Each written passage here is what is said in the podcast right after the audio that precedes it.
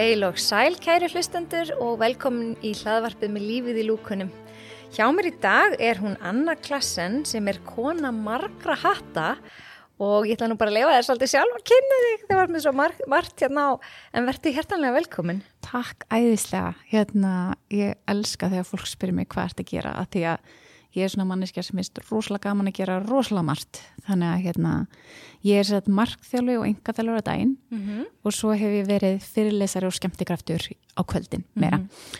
og þetta er svona alltaf sama ég er alltaf, alltaf að valdefla fólk og láta því líða vel mm -hmm. hvort sem að sé í rættinni í engalífinu eða eins og sé á skemmtunum þá er ég og Fridrik með Happy Studio og þá er við að í raun fá þau á dansskólfið eða fá þau að syngja eða flippa með þess að við mhm. viljum fá alla með sem er mm. ólíkt kannski þessar skemmtun, típisku dansskemmtun þar sem allir eru að horfa á okkur sem við getum alveg gert en okkur finnst miklu skemmtilega að fá alla með yeah. og það kemur svo trillt stuð úr því Þannig að fá fólk til að fara út í kassan Já og bara leifa sér, sleppa sér leifa vera að þú veist eins og við erum að tala um að rækta innra badnið, skilur mm -hmm og hérna, já, það er bara gaman að leifa fólki að blómstra því að það býr svo margt í okkur sem við erum stundum til að bæla mm -hmm.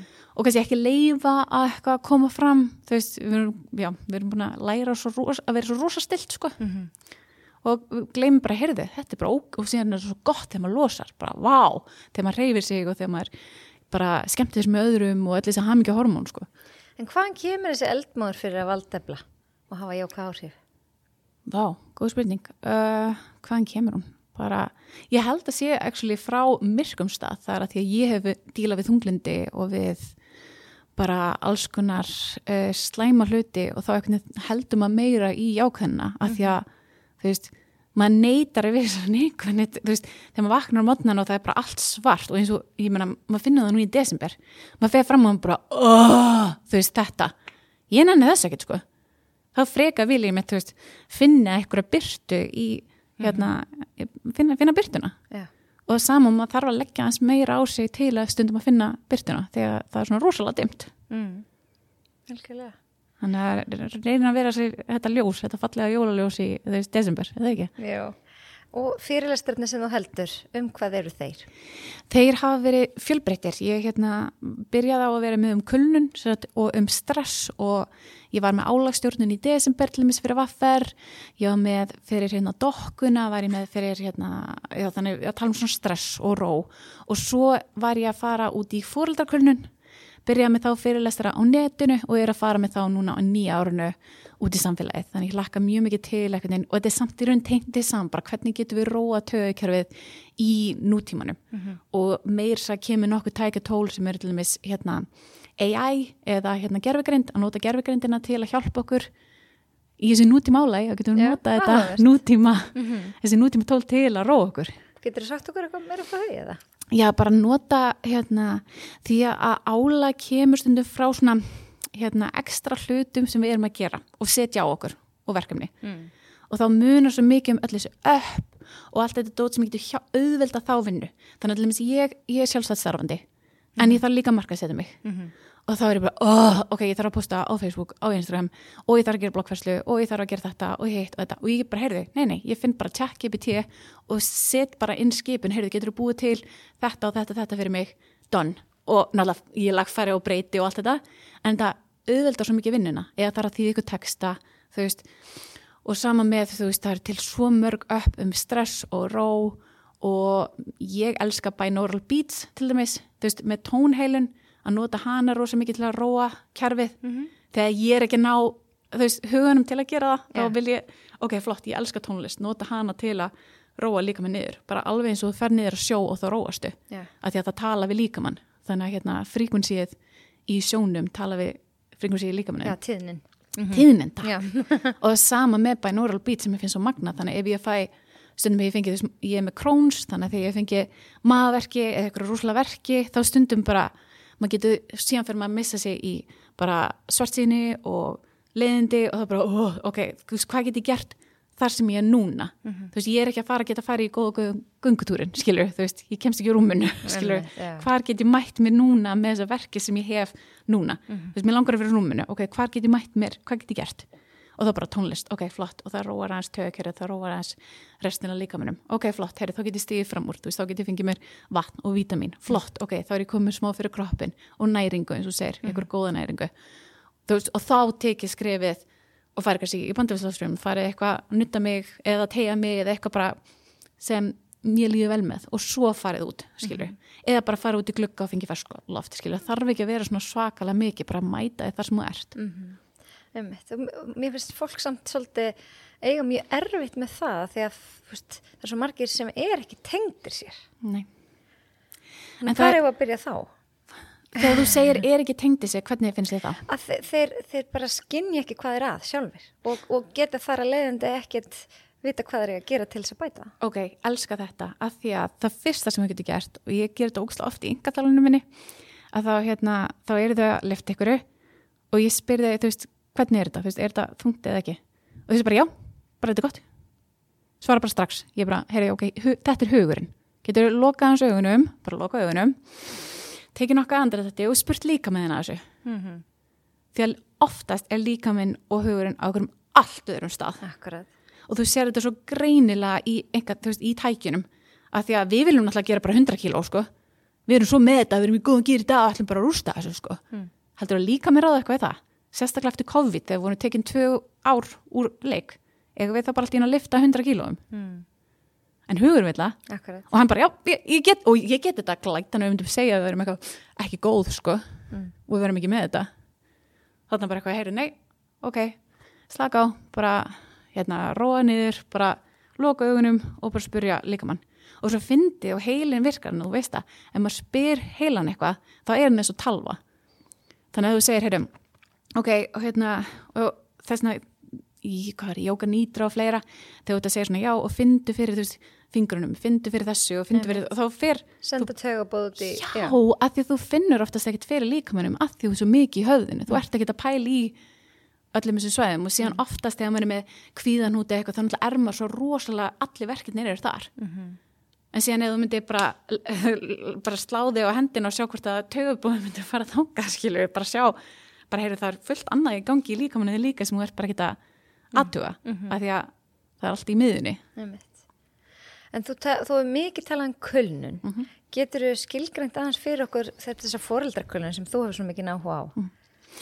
Ég tala bara um fóreldrakulnun, uh, góð spurning, bara eftir ég var fóreldri, þá tók ég bara svo eftir, hérna, og ég, var- ég er líka skildi ekki, bara svona býtu, það eru allir gett örmagna og ég skildi ekki alveg af hverju erum við svona meira örmagna heldur en mömmur og pappar eða þú veist, afi og amma sem þú veist, voru með miklu vera aðstæður heldur en við og ekki með neitt í tengslu við tilfinningar skilur og síðan eru við bara, ha, býtu við erum með allt, af hverju við að fara svona yfirum það er bara miklu meira áreiti á okkur á annan hátt, skilur, þú veist, að og amma, þú veist, ólst upp við alls konar, þú veist, hörku og erfiði og þú veist, og, og, og hérna, fátækt og alls konar dóttir í og hérna, en hjá okkur er þetta svo mikið þessi elskulegi sími og þetta, þú veist, og kröfunar mætast engan veginn stuðningnum þannig að Hvern, hvernig þá? Bara, Mér fannst að bara svo, vel það var bara svo, að það, já það var bara svo fallegt það var einmitt einhver sem skrifaði grein um daginn um sko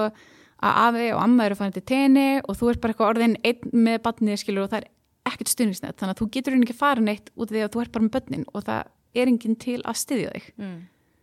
Og svo átt að vera að gera allt þetta vera náttúrulega þú veist í, vinnu og helst í skóla líka er það ekki? Þú veist bara uh, og heilsuræktinni og í þú, öllum fóreldrafélögum og öllum æfingunum voru fóreldrar svona rosalega aktífir áður fyrir eða er þetta bara eitthvað nýtt, ég veit það ekki. En allavega ég held bara að og kannski tögkerjum hans er bara ekkert gert fyrir þetta nútíma áriti, ég held það. Ég held að bara tögkerjum mitt er alls, alls ekki gert fyrir þetta áriti og þá þarf þurfum við að læra að tækja tól til að róa okkur niður þannig við getum tæklað þetta verkefni Einmitt.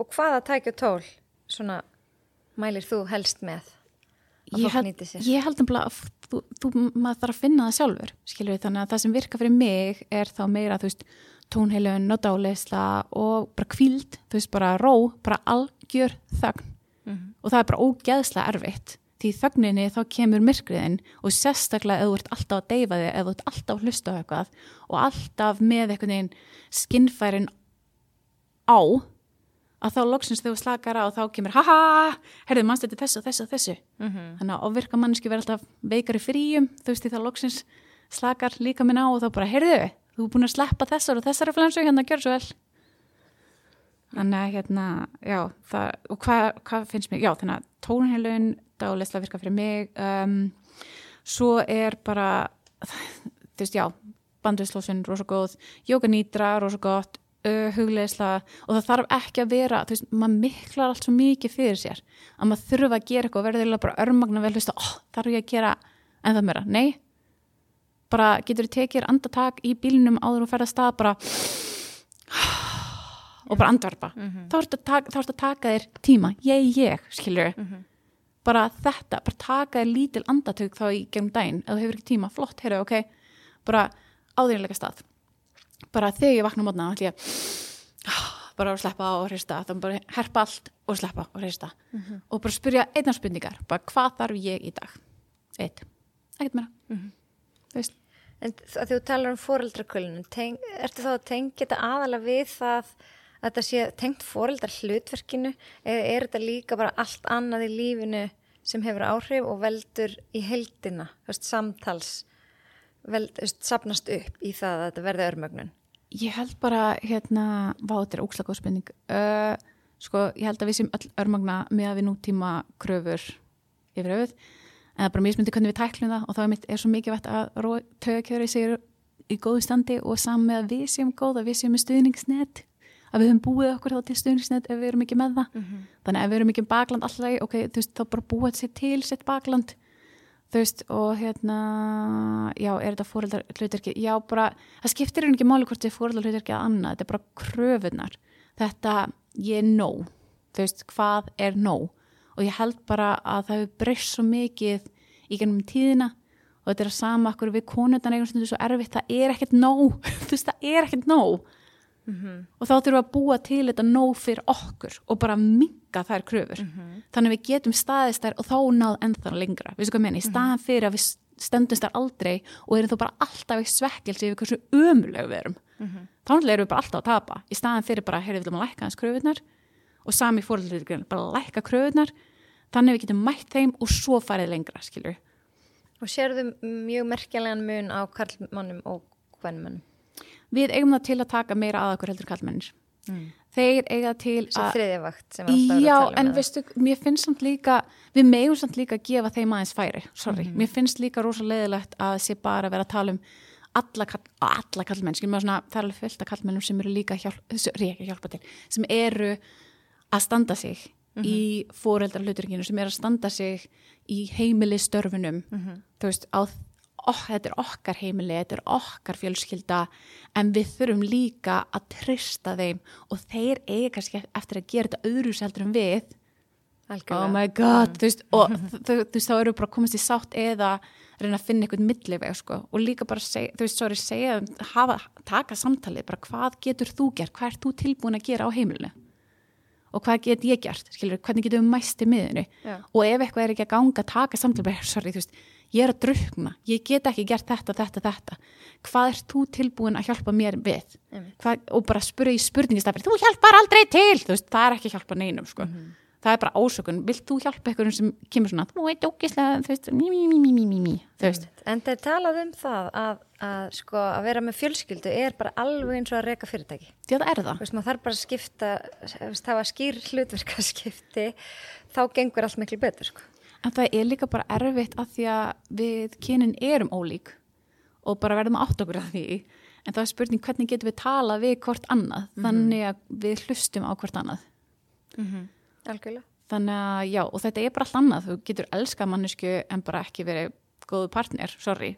Þau veist það er alveg hægt, það er alveg hægt að vera góðu kærist en ekki góður eiginmaður, ég og sama, eh, góð kærasta og ekki góð eigin kona, þú veist þetta er bara eins og segir, þetta er þá komið í fyrirtæki. Það er annað að eiga bara hvernig, heyrðu við skemmtum okkur geða vel saman, þú veist nei, síðan kom bara börn og heimili og eins og segir, fyrirtæki. Já, já, og við líka fáum ákveðið, sko, ákveðina uppskrift í okkar uppeldi, kannski að einhverju og svo kannski kynast fyrir einstaklingar með mjög ólíkan bakgrunn og það er líka það sem kannski veldur tókstrætt og ég er til dæmis bara mjög heppin, minn maður, hann er bara, tekur alveg nákvæmlega mikið þátt í heimilistörunum og ég og hefur bara alltaf gert og þannig ég hef aldrei einhvern veginn eitthvað verið að hafa ágjörða sér þriðjuvakt sem er alltaf mikið verið að tala um.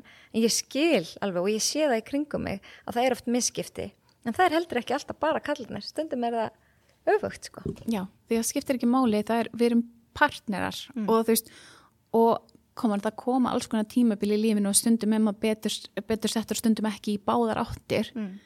en að finna þá uh, og þannig virka partnerar og sami fyrirtæki, þú veist, þegar einn hefur eitthvað rúslega mikið að gera og er bara búin á því þá stundum tekur hinn boltan við, bara, við erum í sama liði, við erum ekki að móti hver öðrum, þannig að hvað gerum við þegar við erum sama liði, við tökum okkur saman við fundum, þú veist, við spyrjum hvað er, hver er markmiðið og hvert, hvað ætlum við að gera til að komast að því saman, mm -hmm. skilju en það er alltaf leiðilegt einhvern veginn hvernig við höfum einhvern veginn og ég er alveg segum það sjálf ég, það er mjög mikið að taka einhvern veginn og gera allar hluti bara sjálf. Og maður svona, er ég þá að gefa honum færi á að þau veist Þroska þjófur Já, og, og þú veist og þetta, já, já, já, já og ég er mjög, mjög vörum það og reyni að passa mig, skilur en, hérna, en ég er svo ótrúlega þakklátt fyrir að eiga mitt góðan partner sem að einmitt sama hjá mér, bara sérum heilstörunni ég þarf ekki að hafa neina ágjör, bara ef ég byrðan um eitthvað þá bara gera það mm. og ég bara, á, hvað er þetta? Því að ég hef líka verið í sambandi þar sem þetta var ekki gert og þannig kemur ég að gera allt er að því að ég var svo vöndi að vera bara í sambandi þar sem ég þurfti að gera allt mm -hmm. já, já, já. þar sem að, hérna, já að, og þá er þetta svo slemt, síðan að kemur ég í samband þar sem bara, ha, þarftu ekki að mér að halda að, þarf ég ekki að sjá um þetta og þetta og þetta, en líka, pælti ég, ef að sjálfsálitið þitt er byggt á að vera duglegur eða gefa af þér sem er mjög mikið oft hvenna syndrom en það flestir í umönnun og öðru sem eru mhm. kynns, mm -hmm. margir um, hvað ertu þá að þú ert ekki með það mm -hmm. þú veist, ég fatt að bara því ég var veik í sömur og hérna, og lág bara inni og þá var hérna kallin sambanni og heimileg og allt þetta og ég var bara eitthvað mér fannst ég einskist verði og ég var bara, vá sjálfsvöldi mitt er bara svo rosa mikið í að gefa og að, hérna, og að, já, að gera og gefa já. og ef ég er ekki það þá er ég bara svona, vá, er, ekki, er ég ekki bara nóg eins og ég er mm -hmm. Ég tengi alveg eins við þetta. Það er einhvern veginn sko, hérna, þetta að hafa jákvæð áhrif. Þetta er eitthvað sem ég er svona brenn fyrir. Og hérna, en mér fannst rosa gott sem að Margret Arna sagði einum þættum daginn að maður mað getur ekki ætlast til ég man ekki hvernig hún orðaða að útkoman verði einhvern veginn. Þú veist, setja kröfur á að einhver sem ég er aðstóða nái ákveðnum árangri skilur, það er ekki þitt, það er ekki mitt en Já. þetta var að beauty eins og í margþjálun það mm. sem ég elskaði margþjálun er þetta er ekki mitt og það er ég segjum, þú veist, þetta er allt um þitt og þitt ferðalag, mm -hmm. ekki mig ég er á kantinum að styðja þig og hvetja þig og ég spyrði spurninga þannig að mm -hmm. þú náir að vaksa dafna og, og leita meira inn á við heldur en áður. Það sem ég elskaði margtilunum bara að þau fara svo djúft að því að þau bara kynna sjálfsög upp á nýtt. Að, út af því að einmitt, þetta, er, þetta er um þau, þetta er ekki um þig. Og sama með, en það er samt ókslega leðilt eins og við vorum að tala í sambandi. Þegar þú er með ykkur kröfur en þú ert aldrei múið að segja þessar kröfur með á, sorry, þú er kannski búin að segja þér en á þinn hátt. Já, en kannski maginn skilur það ekki. Og ég held að stundu séu að tala svona tvö tungumál. Einn er að tala spænsku hinn er að tala kymversku og þeir eru bara ekki ná saman mm -hmm þannig að ég heldur til maður að sína á báða vegu bæði við, samkend og skilning og að hérna, og bara komast að því saman bara hvernig, hvernig við getum minga áreiti og stress og streitu og bara, já, og hlusta hvert annað mm -hmm. En að því að það er markþjálfun eh, einhverju sem er að hlusta kannski vita ekkert þegar maður heyr alltaf markþjálfun markþjálfun, það er svo mikið veist, algengt, ég er helsumarkþjálfu til dæmis En hvernig skilgrinn er þú markþjálf? Eða þú myndur vera útskýra fyrir einhverjum? Ok, ég ætla að segja það fyrst og svo er ég forvitin að heyra með þig. Mm -hmm. Að það er úrslega erfitt að skilgrinna markþjálfun. Ég segi alltaf bara, við trúum að svörin búi innra með þér mm -hmm. og við erum að spyrja því spurninga þannig að þú komist að þínu svari, mm -hmm. skilur. Mhm.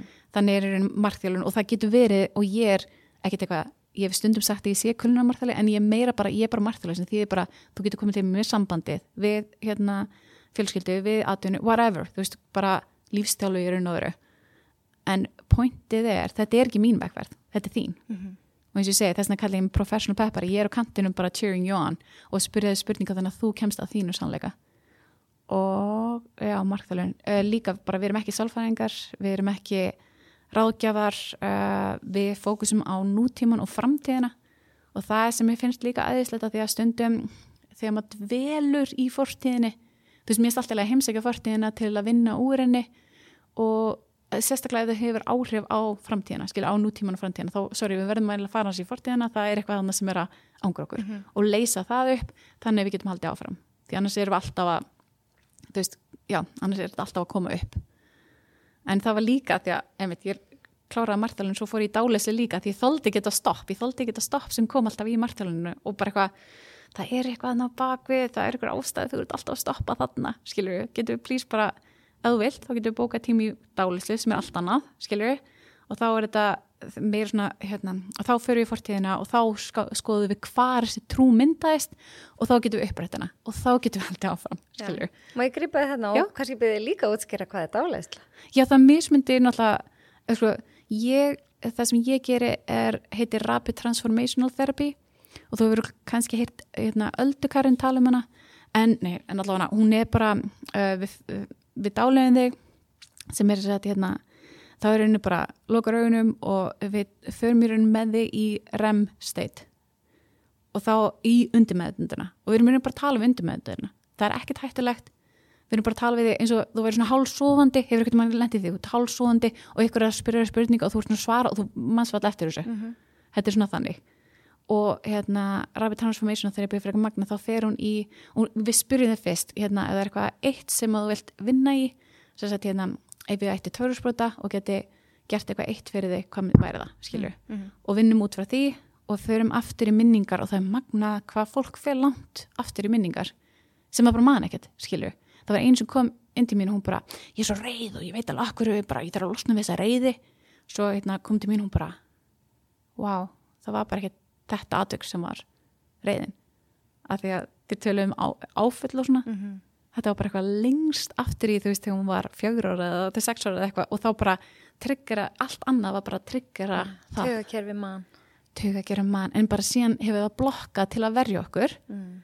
en það er stundur úr svo pirrandi því maður er oft að tryggjarast og maður veit ekkert af hverju og maður veit ekki hvernig maður á að hérna róa sig. Og mann er ekkert kent þessi tækju tól, pælti hvað er magna að læra þessi tækju tól? Því að bara í setni tíð og í gegn kulnuna og svona þá fór maður að læra tækju tól til að róa sig þegar maður er tryggast og leifa sér bara að tryggast, að leifa sér að hafa tilfinningar.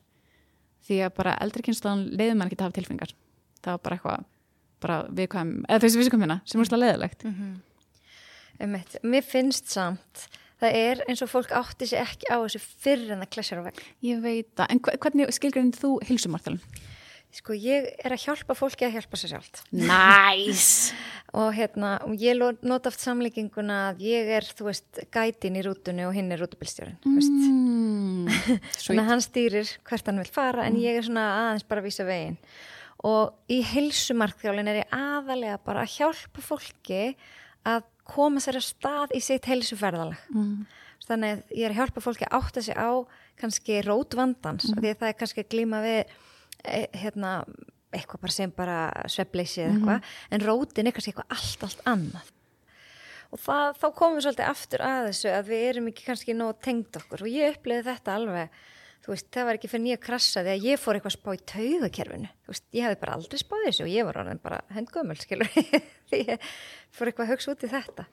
En nú er ég bara svo þakklátt fyrir að hafa þessi tæki tóli minni verkværakistu þú veist, ég er nýfærin að fara í sjósund og það hjálpa mér og, og ég nota öndunuræfingar og hugleslur og, og hérna og allt þetta. Og ég er svo heppin að vera að kenna jóka hérna í MH og ég verður glætt að tala um það að hérna, við endum alltaf á haugleislum eða endunaræfingum og mér finnst þetta svo mikilvægt að þau kunni þetta því að þú þarfst að æfa þetta þú, mm -hmm. ef þú gerir þetta ekki reglulega þá hérna, hérna er sí, líka, hvað sem er, er ólíklegur og þú notir þetta í framtíðinni en Já. ef þetta er orðið bara svona hluti af einhverju því finnst þetta bara sjálfsagt og þægilegt að þá er svo líklegt að þú leitir í þetta þegar þú lendir kannski í erfileikum og þetta er úrslátt flott að því að uh, já þetta, þetta er svo satt og líka með hilsu yfir höfuð að því að maður kannast bara við við yngaþjálun, þú veist, parturinn að minni yngaþjálun, hún er meira eins og margþjálun ég er meira að hjálpa þér að finna þína leið í rættinni mm -hmm. og er að styðja þig og, hérna, og þannig að rættin sé einhver fallegur staði fyrir þig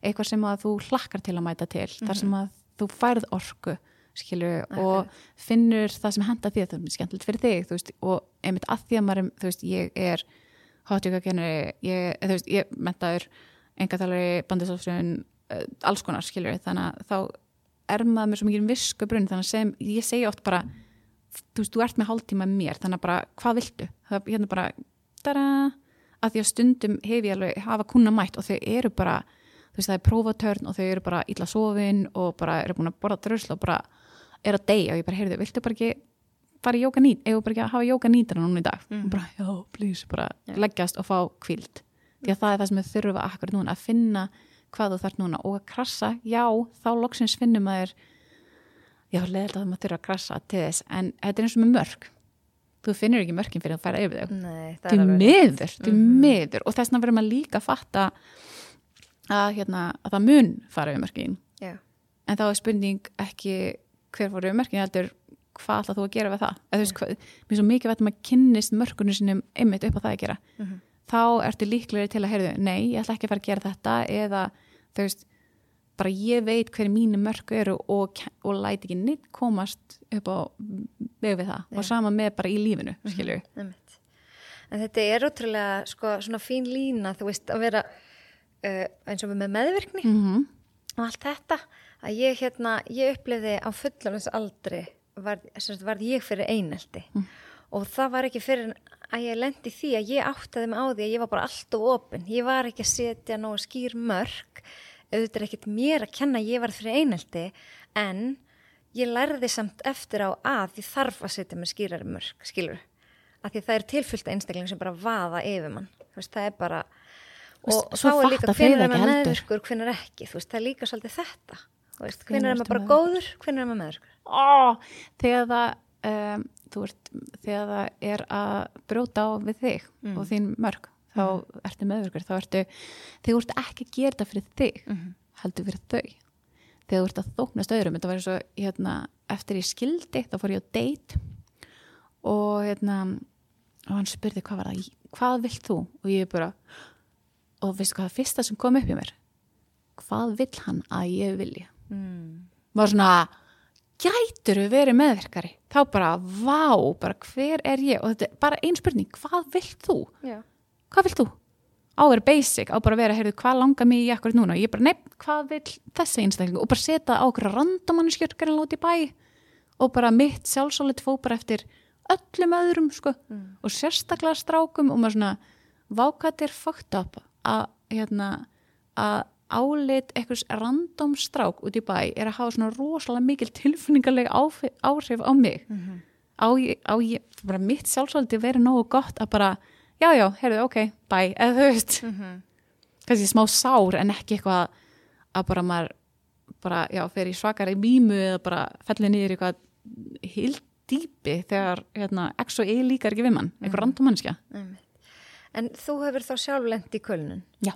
Er, er það eitthvað sem þú vilt deila með okkur Já, líka, hérna, að því þú veist að tala um hverju skilgrinning á kulnun, þú, hérna, sástu þegar þið breyttu sig, já, að það er bara í starfi, samkvæmt þeim. og örmögnun er í persónulega lífin Já, og kölnun í starfi sko ég skil það alveg þeirra vegna, þú veist, það er ákveðin stopnarnir sem, en, common, common. Yfir höfuð, ég held, þú veist, ef þú ert með kulnun í starfi, þá eru líkur og sett með kulnun í engalífinu. Já. Og ef þú ert með kulnun í starfi þá er örugla áfallasaga á bakvið ætla ég giska á. Þá er, er örugla sjálfsólitið þitt í að vinna í dugnaði pottjætt Mhm. og þá eru mitt, þú veist, dugnaður mörkin er ekki skýr og hérna, já, og bara tekur að þér mm, of mikið sem úr að þér ekki við. Myndi ég halda, sko. En það var allavega ekki mínu tilviki klálega, sko. Já.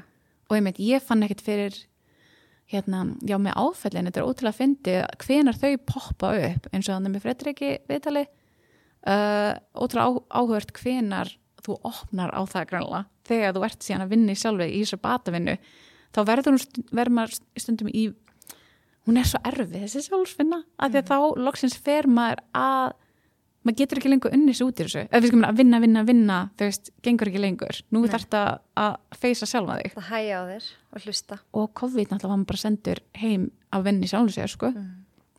sem er magnað og ég vona að fólk hafi nýtt sér það að skoða hann sjálfan sig og sinn, sitt líf. Mhm. og og það bara kulnun eru skilabóð að eitthvað er ekki að virka lífininu og það þarf að breyta. Mm. Lendið þú í kölnin í starfi eða bara í lífinu almennt? eða ég myndi, segja, ég myndi segja bæði sko. bara all of the above myndi ég segja bara. Að því að hérna, ég er skil 2017 eins og við hættum saman þá.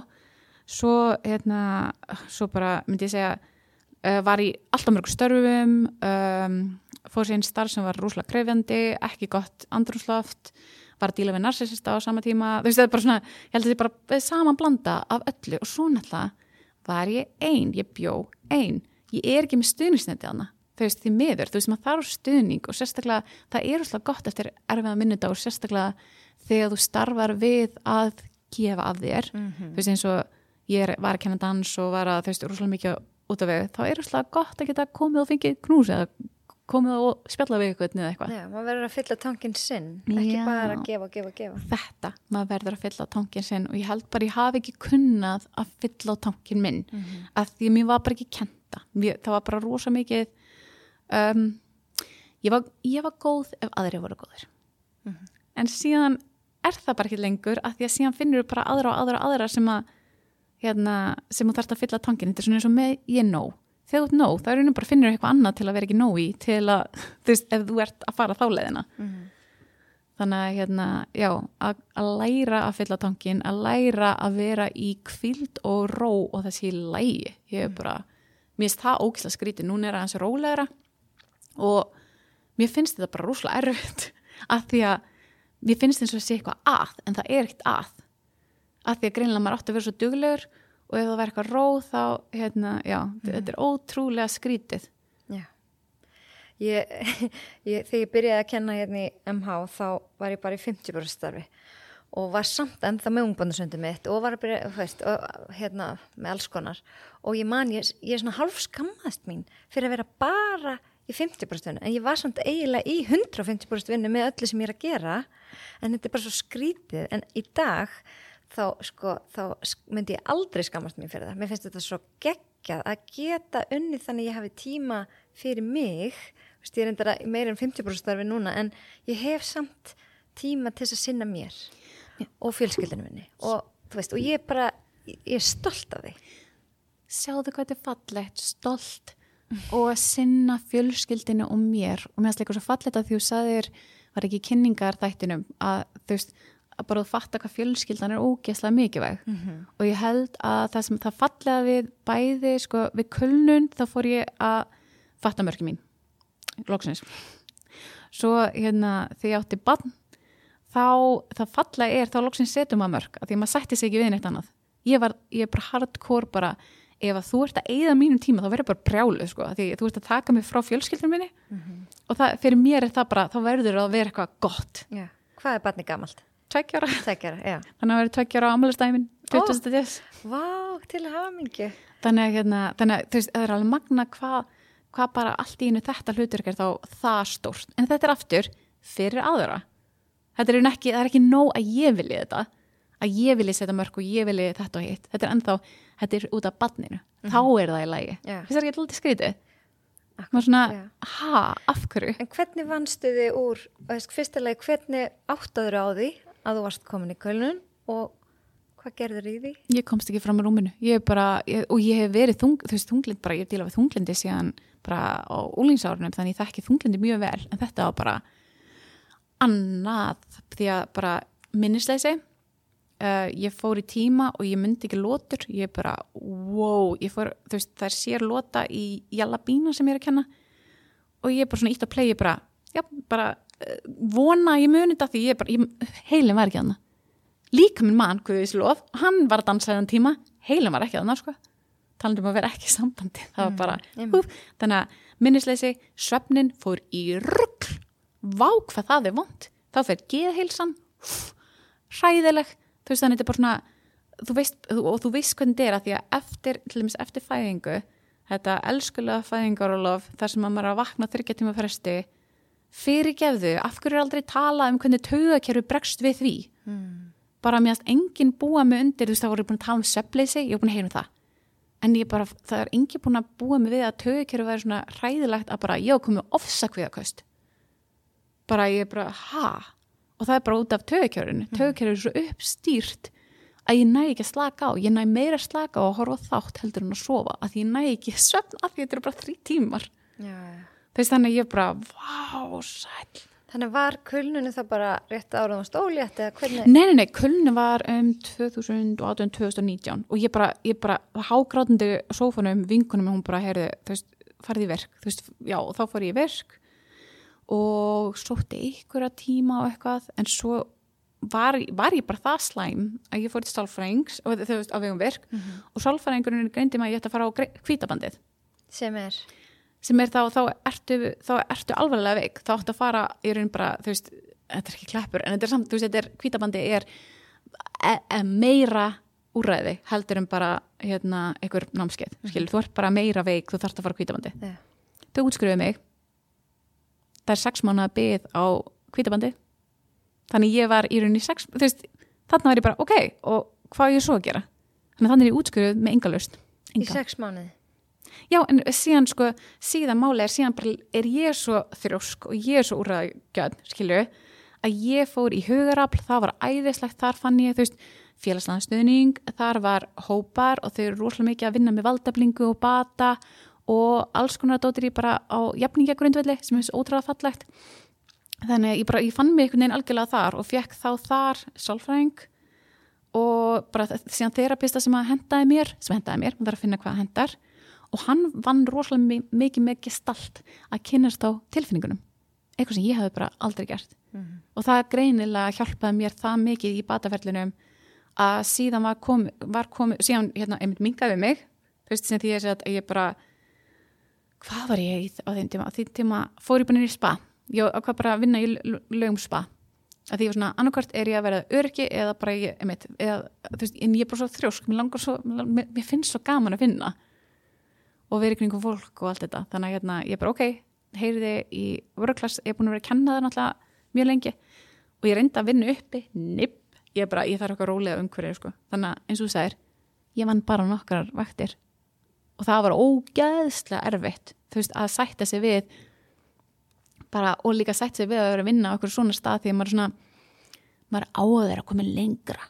Þú veist, þessu hvað samkvæmt hverju, veistu hvað Samkvæmt hverju. who cares, þú veist, og þarna bara bara hafa vinnu, ég var með einhverju vinnu þú veist, og ég leiði er tilgang. já, og saman við síðan finnum maður bara með fjárhærslega dóti, ég bara leiði út íbúðina mína, skilju, hérna, leiði með einhverjum, þannig að þá minkar það kostnaðin þannig að bara finna lausnir sem henda, þannig að, hérna, já, þannig að ég fann mína bara lausnir, þannig að virk var ákveðin lausn ákveðin tíma uh, það bara, já, en síðan bara útskriðið mig og uh, eftirfylgnin bara ekki eitt, þú veist þannig að það var klúður þannig uh, og já, bara hugurafl algjörlega, og svo náttúrulega bara fór ég sjálf bara í jóka nýtarnám og fór í þú veist, bandustóðsjón og þú veist, ég bara, ég finn mér bara eitthvað heilunanám og þú veist, bara að finna allt mögulegt sem gæti hjálpað skilju og er þannig búin að fá allir þessi réttindi að því að maður, er- þetta er sjálfsvinna sem er í raun að skila þessu og þess vegna langar maður svona að vinna með fólki að því að maður langar að grípa það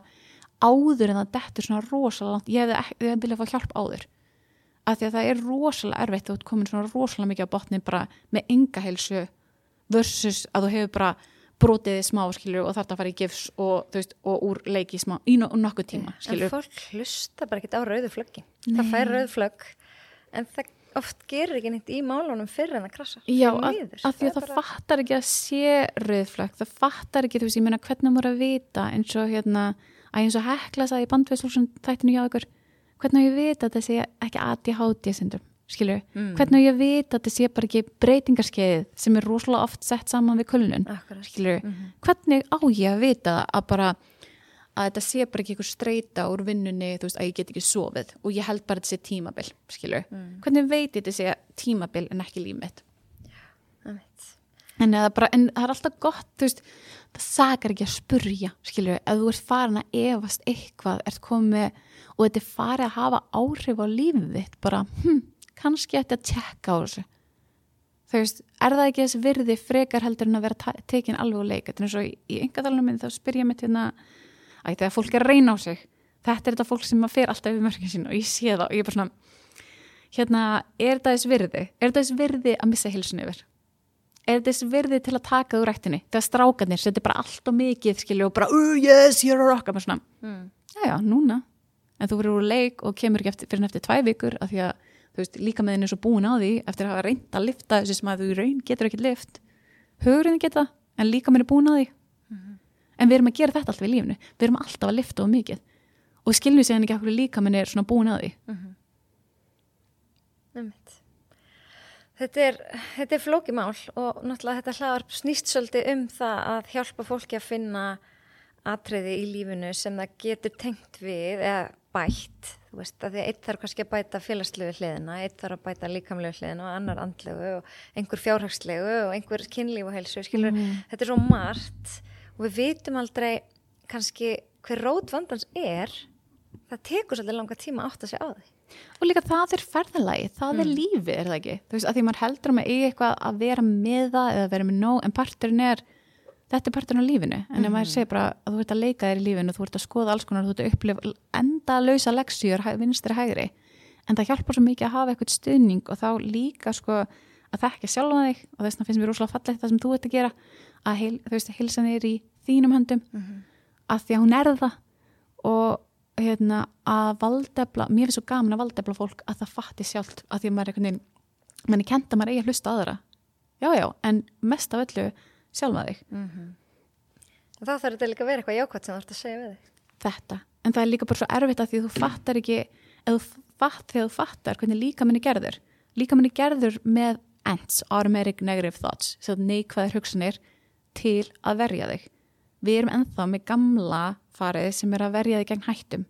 En vandamálið er nútíma áreitið hann fattar ekki að það er ekki hætta skilur, þannig að hann skinja síman og áreiti og þegar við erum með vibrate á símanum okkar það kemur, þú veist, maður er hérna skilur með taug, taugarnar skilur og þegar maður er undir stressi þá fer allt í mann skilur og tryggur af allt.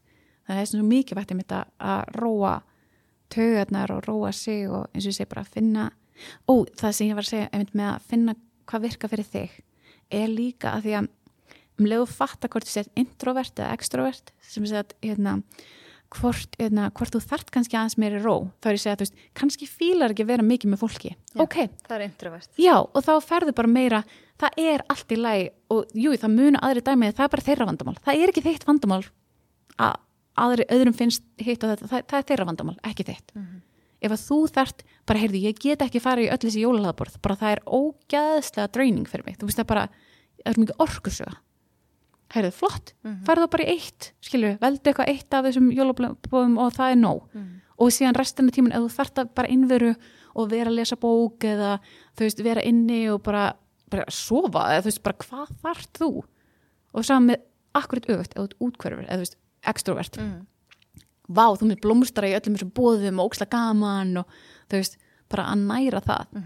En þau introvertanir sér að yngverfi mega líka rækta það. Og sama með ef þú veist þú ert ADHD eða yngverfi eða eitthvað þannig allar þessar greiningar, ekki láta stöðva þig heldur notfærið þér þetta, þú ert með ykkur styrkleika sem aðrir eru ekki með, þú ert öðruvísi þengjandi sem það er ekki verið slæmt. Þau eru alltaf að sína þér veru hvað er slæmt við það, sem er alveg gott að veistu ok, og veistu hvað veikleikar eru en hvað styrkleikar er þú með sem aðrir eru ekki með? Og hvernig ekki þú nýtt þér þá? Þannig því meira sem að veit um sjálf og sig ef ég veit, ok, ég er með mjög mörg enginni ADHD, ég, ég er samt þú veist, ég er svona uh, innkverf, útkverf, skilu ég, ég þarf að fá introvert. já, sem er mjög vesend já, en þá þarf maður að passa að fá að vera í kvildinni þegar maður þarf að vera í kvildinni, skilur en það er ógslag erfitt að því maður veit ekki mörkin sín, skilur Já. þannig að þarna þarftu alveg bara að túna þig inn bara hvernig er ég í dag veist, þarf ég ró eða þarf ég stuð í dag sko, bara, Ja. hvernig er orku hvernig, hvernig, er, hvernig er síminn, er full hlaðin eða mjög lágur, veist, hvað þarf ég að gera til að hlaða hann í dag Einmitt. er, það mikilvægt. er, það er indót eða út Mhm. en það er erfitt með þegar maður er bæði að því að maður þarf að finna bara hvernig er ég? Hvað get ég gert til að hlaða mig? Hvað er að soga úr mér orkuna og skoða þá dagskruna bara er ég að gera allt dagstaglega til að byggja mig upp eða bröða mig niður? Er ég að hlaða mig eða ekki? Og við erum rúslega sjaldan að gera það við erum bara tróðfylla dagskruna bara gangi ykkur vel, þetta reddast. Algjörlega. En hvað er helsa fyrir þér? ah, mér var svo skemmtileg spurning. Heilsa fyrir mér er andleg og líkamleg þetta tengist allt og því meira um, sem við kynnumst okkar heilsu og okkar mörskum, bæði andlega og líkamlegum því betur sett verður við. Þannig að leifa líkamunum og andlega að tala saman. Og þess vegna spyr ég mitt alltaf í engatalunum, þá spyr ég bara að lokaði augunum og spurði líkamann, því að hugurinn kemur strax með svarið, það er aftast fyrsta svarið sem kemur, þetta er hugurinn. En pröfa að staldra þess við, þannig að áður að svarar, þú vilt strax svara já, ég er góð, þú veist þetta sem, sem þið er kent að bara staldra þess við bara loka augunum, anda og virkilega svara einlægt hvað er raun og verið í gangi. Og það er frá líkamannum og það er frá einlægu. Er eitthvað sem þú myndir gera öðruvís í dag, veist, með vittneskjuna sem þú hefur núna, hverju hefur breytt þá, veist, áður en þú fórst í kulun? Veistu, ég vil líka bara breytt því að ég var yngri. Mér finnst bara rosa leiðilegt einhvern veginn hérna, og þau, sorry, þau vissi ekki betur með gömlu kynslána, mér þykir rosa leiðilegt með eldri kynslána að hún hafi ekki náð að tækla tilfinningar. Og ég held að margir sem eru með hérna, alls konar dóttri og ég fann allavega mig var að því að mér var ekki lift að vera með tilfinningar. Það var ekki lift Mm. það, eða þú sér í það var talað um en, en þegar maður virkilega síndi það þá var maður bara og viðkamur og, og skammaði fyrir það og þá er það svo leiðilegt því að þá þegar þú ert brotna niður eða eitthvað þá er þetta svo mikil skömm og getur ímyndað hvað er vond að vera þú veist, í sárshuga og sem skömm í þokkabót, Ah, skilur skilur, og þá er líka erfið að leita að hjálpara því að ef þú trúir ekki að einhver annar sé þannig dengjandi að þú getur bara verið. Eins og þú sagðir þú veist, hún sagði, þú veist, að mér er svo fallegt einmitt Fredriki þegar hún sagði, þú veist, þú getur bara komið og verið. Og ég held að það sé rúslega fallegt rými þar sem hún getur komið og verið og ekki dæmd eða dæmdur. Já. Mér finnst líka bara svo mikilvægt að við getum speklað okkur í öðrum. Þess vegna finnst mér svo gaman að heyra persónlega sögur af fólki. Fólk bara segja frá sér og sínum sinni æsku og öllu þessu því að það er alltaf einhver sem tengir og bara, vá, herðu þessi, vá, hún er liðbyrðin svo mér leið, ég er ekki ein í heiminum, mm veist, það er svolítið oft þannig. En pældi hvað það er fallegt hvað maður er búin að kynna sjálfun sér þökk sér þessu.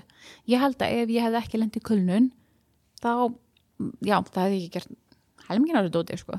Þá væri ég bara í einhverju vinnu til að þóknast einhverjum öðrum og bara haldi áfram og verið dögleg, skilju, verið góð, verið dögleg, skilju. En samt ekkert verið að finna mig og bara verið að ekki hlusta að svolga mig og þessna liðið svona illa, veistu hvað ég meina? Að því maður finni að því meira sem maður hlustar á sig og sín mörg og sína þarfir því hérna, betra verður lífið og það er ekkert svona erfitt en það er svo erfitt en maður er að þykjast allan daginn þú veist, og það virkaði í þann tíma skilur en það á ekki alltaf að vera þannig skilur þá maður á ekki alltaf að vera að þykjast maður á að geta komið af einlagni og verið skilur og ég get alveg sett að veist, það er rosa leiðilegt að maður hefur ekki fengið færi á því og maður hafi raunin bara lært að maður er raunin búin að vera leikar alla sína tíð. Það er ekkert erfitt að leika fyrir mér af því að maður er bara búin að leika alla sína tíð og maður fatta það bara ekki Skilja, þetta var bara ákveð condition þú veist, að maður hegða þessi vel kannski ekki við það svona góða, góða stelpan náðu góðum einhvernum, þá er ekkert að því að ef er eitthvað að, þá er það skelvilegt þá þarf að díla við það En hefur þú unnið eitthvað með þessa meðvirkni? Svona Já. formulega? bara, þú veist, bara í gegnum að lesa bækur og svona alltaf sjálf hef ég þurft bara ég er mjög þakklátt að hafa partner sem að, hérna, sem að hlustar og, hérna, og hvetum í raun til þess, skilju að augra þessu, að því að hérna, en ég get, mér finnst ég ekki geta við þær manneskjör sem ég er mjög með- meðvirk gagvart, mér finnst mjög erfitt að setja þeim, ég setjum alveg mörg, en þau eiga rosalega erfitt með það, manneskjunar og það er rosalega erfitt þú veist að já, þetta er bara, þetta er mjög erfitt. Af því að þú veist, þetta er oftast fjölskyldumæðlumir skilju, Ná, okkar nánustu. Já og man, maður elska þau svo mikið og mann þykir svo vænt um þau en maður á ekki að brjóta á sér til að þóknast þeim. Nei, akkurat. hversu, hversu ljótt er það, skilju? Og vilja þau það, vilja þau vera alltaf að brjóta þér, þau bara fattir þetta ekki skilju, þau fattir ekki að þau sé að fara við mörkinu að þér ef þú ert ald- aldrei að segja það Já, skilju, og þau vil ekkert vera eitthvað skrimslega vera eitthvað umuleg, skilju? En þau eru það óvart hjá þér að því að maður er ekki að setja mörg, veistu hvað ég meina? Mm -hmm. Að því að maður er að gera þeim, já, maður er að gera svo gott en maður er ekkert að gera gott. Þú gera, þú veist, þú ert að gera svo mikið greiða með að þekka þig þekka þínir þarfir, þekka þín mörg og segja það. Og það má. Og ef þau fílaði ekki þá mega þau bara eiga sig. Veistu hvað meina, í alvegni Það er samt mjög margi sem að held ég bara ég erfitt með að setja sínum nánustu mörg ef þetta er búið að vera eins og þú sagðist búin að leikari allt þitt líf. Mm -hmm. hvernig, hvernig, að því þú sagðir að þú hefðir allavega snúið Hvern, hvenær fannst þér þetta breytast? í kulunni, bara að því að ég, ég, ég hafði ekki orku lengur til að leika. Og líka bara, partnir minn var bara eitthvað þú veist, ég get ekki pullað svona með hann. Ég, þú veist, ég, ég dætt stundum í þetta far og hann bara svona, bara, hva, hvað er að gera? Bara, þetta er ekki þú. Bara hættu þessu, eða við skum hérna og það er svolítið leiðilegt, þú veist, ég bara, ég bara ha, já, ó, já, vá. Ok, ég fatt að þetta ekki einu sinni að þá er ég bara svona að gýra mig upp, skilur Já. búin að gýra mig upp í leikin, sko, ég er búin að gera þetta svo oft. Búin að gera þetta svo lengi, það er svona þunglind bara svona þykist, það er ekkert að. Ég er svolítið hress, það er bara allt frábært, svo bara svona það er, það er ekkert allt frábært en það er allt í lægi það má ekki alltaf vera allt frábært og það er í lægi en ef það er ekki í lægi langan tíma, þá er kannski gott að skoða hvað maður getur gert til að bæta. En stundum, þú veist, lífið er alls konar og það má vera alls konar. Að leifa því að koma og líka leifa því að koma þannig að það getur farið. Þannig að ég tek mjög oft eins og í mínu danstímum þá tek ég í lokin, tek svona eitthvað trillt lag og bara segja, heyrðu, bara sleppið öllu. Bara, þú veist, bara hristið af, við viljum hrista á okkur ágjörnur og bara eitthvað sem er svakalega fysikal, sem er bara, við erum að kasta höndunum og eitthvað að flippa, skilur bara þannig þið losi við þessa spennu, skilur og það, það er að því að hreyfing þú veist, þetta, þetta er somatic therapy þú ert að nota líkamann til að hrista, þú veist, burtu og nú virkja orkustöðun og allt þetta, öruglega mm. mismyndi eftir í hvað fræðum þú leitar held ég hvað, þau hérna opna orkustöðuna eða ekki og, þú veist, og losa hana. En uh, megin máli er að þú ert að sleppa.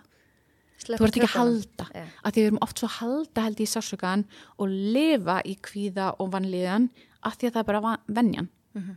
Þarstu þess, hvernig væri bara heyrði, ég bara nenn ekki lengur að lífi, lifa í kvíða og þunglendi hvað get ég gert til að pröfa og fara kannski út fyrir þægindaraman, bara dáleisla virkaði klikka vel fyrir mig, það er alls konar hluti sem ég hef bara aldrei dótt í hug að fara í en hafa virka bara rugl vel fyrir mig. Þannig að bara pröfa bara, þú veist, maður er með svo mikla dóma gagvart í áður, nei, bara opna hugan, sjá hvað er búið og sjá hvað virka verið þig, eins og segir, þetta er þín vegferð, ekki mín. Einmitt. Við erum búin að fara um víðanvöll í dag en ef við, ef við reyna að taka þetta eitthvað aðeins saman í lokin sko bara um, eins og hefur oft komið fram þá er oft svolítið rauð flögg bara rautljós blikkandi í mælaborinu hjá okkur. Hvað, hvað getur svona ráðlagt því fólki sem er svona allt í henn að kveika perinu herði, það er kannski að stefna í hérna örmögnun eða kulnun. Eða veist, yfirleitt fattar maður nefnilega ekki. Ég, þetta kom algjörlega flatt bæð mér til dæmis. En, en ef fólk er að hlusta á svona þætti þá kannski kveikir það, herri, já, vá þetta, þetta, þetta atriði. Það kannski bara bara svefn, um leið svefnin fyrir rögl, skoða það. Og sérstaklega til lengri tíma. Veist, það eru til önnur ráðheldur um melatonin, veistu hvað veist, melatonin flott í ákveðin tíma, þú veist bara, en þegar þetta er orðið daglega venja því við erum alltaf að tala um venjur, þú veist hvernig ef við erum að setja jákvætt dót í þannig að það verði ekki effort, eins og þú segir. Það verður ekkert mál að gera það, af því að það er orðið svo mikið venja. Mm. uh, já, þannig að svefnin fer í rugl fyrst, svo kemur minnisleysið svo fyrir geðhilsan í rugl. Þannig að þú veist, þessir hafa mjög mikið að segja og ég myndi strax fara í blóðpröfu hjá lækni og skoða hérna B12 er geðhilsan hérna D, klassik og játn, því að játn það er orskuleysið og skjaldkirtillin Já, skjaldkirtin líka, please, bara það er mjög margir með vanverkan skjaldkirtil og veit ekki að því. Og svo náttúrulega, fyrir ekki að þú ert komin að breytingaskeið þá er flott að skoða það, bara hvað þarf ég sem kona til að vera þá, að ég get hjálpað þér alls konar í yngaþálunni, en ef þú ert alltaf döið þreytt og eitthvað dóttir, kannski er eitthvað annað í gangi sem að má skoða. En það er ógslag flott af hverju ekki að skoða þetta, bara hverju hefur að tapa er það þess verið að missa hilsnótur og líka þú veist, þetta á ekki að vera svona erfitt. Bara lífið á ekki að vera svona erfitt. Eða svona erfitt það þurfum við að skoða. Mm. bara er það ekki þess virði að skoða og heyru þið það er bara til líf sem er bara rólegt og skemmtilegt og þú veist, já og sem er svona sveiflugjönd en samt þú veist, þú ert góður því að ef þú ert góður þá er hvað sem kemur lífinu bara allt í lagi. Já, þegar við erum í jafnvægi. Já, við erum í jafnvægi þá er þetta ekkert mál, en ef við erum ekki jafnvægi eins og talar um í einhvern þættinum, bara þá er allt kaos algjörlega Er eitthvað svona að lokum, eitthvað sem við erum að glema? Mm, góð spurning. Uh, er eitthvað sem við erum að gleyma? Öruglega fullt, nei. Já. Nei, En en bara, finnst þér þú búin að finna úr þessu eða finnst þér þú bara ennþá í einhverju vegferð? ég er í vegferð. Klárlega, og það er bara mismundi hvernig vegferð ég er og hvaða stuðni ég þarf á þeirri vegferð. Og það, ég held að þessi, ég held að þetta er búin. Nei. það er aldrei, mér finnst það rugg og ég veit að þú veist, þú þarft að útskrifa að fara á virk, skilur, ég skil það, það er ákveð stopnun og kerfi og svona en þú sem einstaklingur þú er ekki búin fyrir lífið þetta búið og þá er mismundi hvað þú trúir um eftirlífið skilur, en þú veist, þetta er vegferðin. Þetta er lærdómurinn og það er svo magnað í staðin fyrir að vera bara hlaupahjólinu og bara sætta sig við hvað sem er og hvernig maður er á þeirri stundu og ekkert gera neitt í því. Eða ég get bara, heyrðu, mér langar að líða vel og ég nenni ekki að vera svo hlaupur ég ætla að fara að skrif, taka skref út í og ég ætla að lappa og ég ætla að finna mér eitthvað sem að gera mér gott á hliðinni og sem lætur mér líða vel. Þú veist, þannig að þetta er valið, hvernig líf vilt þú? Já. Það er nefnilega bara svo mikilvægt að reyna að finna sitt jafnvægi. Veist, það er ekki það sama fyrir alla, en um leiðu við erum í, jafnvægi, þá erum við betri í stakk búin og takast á við alls konar erfileika og, og, hérna, og bara, hvað mér, eins og við slettum, díla, díla við það sem kemur. Sko. Æ, mér finnst líka alltaf fallið það því þú sagðir með 50% vinnuna og með svona manniski sem er að gera alls konar hluti um, getum við bara hættis, það er ekkert ný, í 9-5 vinnum eða 8-4 Mhm. Þú veist, nú er ég ný mamma og þú veist, og badni mitt var í dagmömmu og það var alltaf veikt og þú veist, við það er alls konar dóttir í, í gangi og þá finnst mér æðislegt að ég er bara með mitt eigið fyrirtæki og er bara að vinna x marga tíma, skilur á viku og stundum er ég að vinna þetta og stundum ekki. Stundum er ekkert að gera, stundum er ógislega mikið að gera. Þú veist, það er bara hversu mikið frels er að hafa það og ég hefði aldrei hugsað mér að ég gæti gert það að fullri vinnu. En það er svo æðislegt að hafa þetta rými. Já og að fá að vera alls konar að fá þarna bara að finna, ok, þetta hendaklega fyrir mig, það sem er strögl fyrir, þú veist, eh, fyrir annað fólk, þú veist, það sem er þú veist, mitt líf sem er þetta bara alls konar vinna og alls konar tímum og alls konar kaup og þetta, ég elska það. Mm -hmm. og síðan það er strögl fyrir mig að vera átt að 94 eða 95 Já, og, og hver ákvað það, það var eitthvað norm að vinna 8 tíma dag, Já, af líka, hver er það norm? Af hverju má ég bara ekki vera fjóra eða? og líka bara fjóra, Já, eða bara e, tvo. E, þú veist, e, bara heyri, ég ætla að vinna 2 tíma á mándag og svo vil ég vinna 8 tíma á næsta dag. Eða mm. þú veist, bara þegar ég er stuði eða þú veist, síðan á maður ekki svo ofta og þá bara, heyrðu, ég ætla ekki að vinna í dag, ég ætla bara og síðan færi svaka orku, þá mm. vinnur alveg 12 tíma. Við mm. sko einhvern veginn kannski ekki með þannig mentun að þeir geta bara verið í vinnu sem er 8-4 eða 9-5 mm -hmm. það er þannig að það er líka pínu erfitt en þeir þurfa þá bara að finna sína leið til þess að sinna veist Þá líka það, hvað þarf ég til að mætast því, þannig ef ég væri í 85 vinnu, 84 vinnu eða 95, hvað get ég gert kreatív og ég hef gert þetta í öllum vinnum mínum, hef ég oftast verið að gera eitthvað kreatív á hliðinni fyrir mig. Þú veist, það er mitt kreativiti að komast út og brjótast út og gera það sem ég vil. Þannig að bara að finna hvað þú þart til að tækla það sem þarf að gera, skilju. Ég meina við höfum all verið í námi í ykkur leiðilegu fægi sem við þólum ekki, sko. Það er bara rúslega eðlupart að þá bara þurfa að bara, ok, pýta á jakslinn og bara klára þetta. En þá er spurning, hvernig get ég ge- gert það skemmtilegt? Herði, ég ætla að vera með félagum mínum að læra, skilju. Eða ég ætla að nota ChatGPT og fá aðstóð við þannig að hann tali og segi mig glósurnar á meðan, skilju, þannig að ég get gera þetta betra fyrir mig. Hvernig get ég skemmt mig betur að gera þetta, veist, bara, og skemmt mig betur í lífinu. En finnst þér þú hafa hægt nógu mikið á þér eða ertu einhver tíman svona smeyk við að aftur taka of mikið að þér, finnur það? Að. Þröskuldurinn er orðin lægri? Já, en líka bara að því að síðan á ég bann, að því að máli er, þú veist, ég single er ekkert mál, en bara síðan þegar maður er mamma, þú ert alltaf á vakt sem því ég sér þetta eins og í sömar þá, datt ég aftur niður, þá kom svona kulnunar krass, eins og maður segir, þá datt ég aftur á botnina því að þá datt ég öruglega í COVID og lúnabólk og hérna, og kallið var bara akkurat í burtu og ég var bara, ég var nýbúin í giggi kom heim, hann, hann litli kút, kútur bara það voru þre- tværa, þrjá sveflösa nætur skilu, ég var svo búin að og svo náttúrulega ég veik og ég bara "Þetta- ég get þetta ekki, þetta er svo mikið. Sæll, þú veist, við minna, við erum öll með okkar mörk og það koma alls konar tímbil og þá er spurning hvað þarf ég á því tímbili þannig að þarna þurfti ég bara að ringja þú veist, í mömmu, eða þú veist, ég held að mamma hefði mér svo úti á þessum tíma.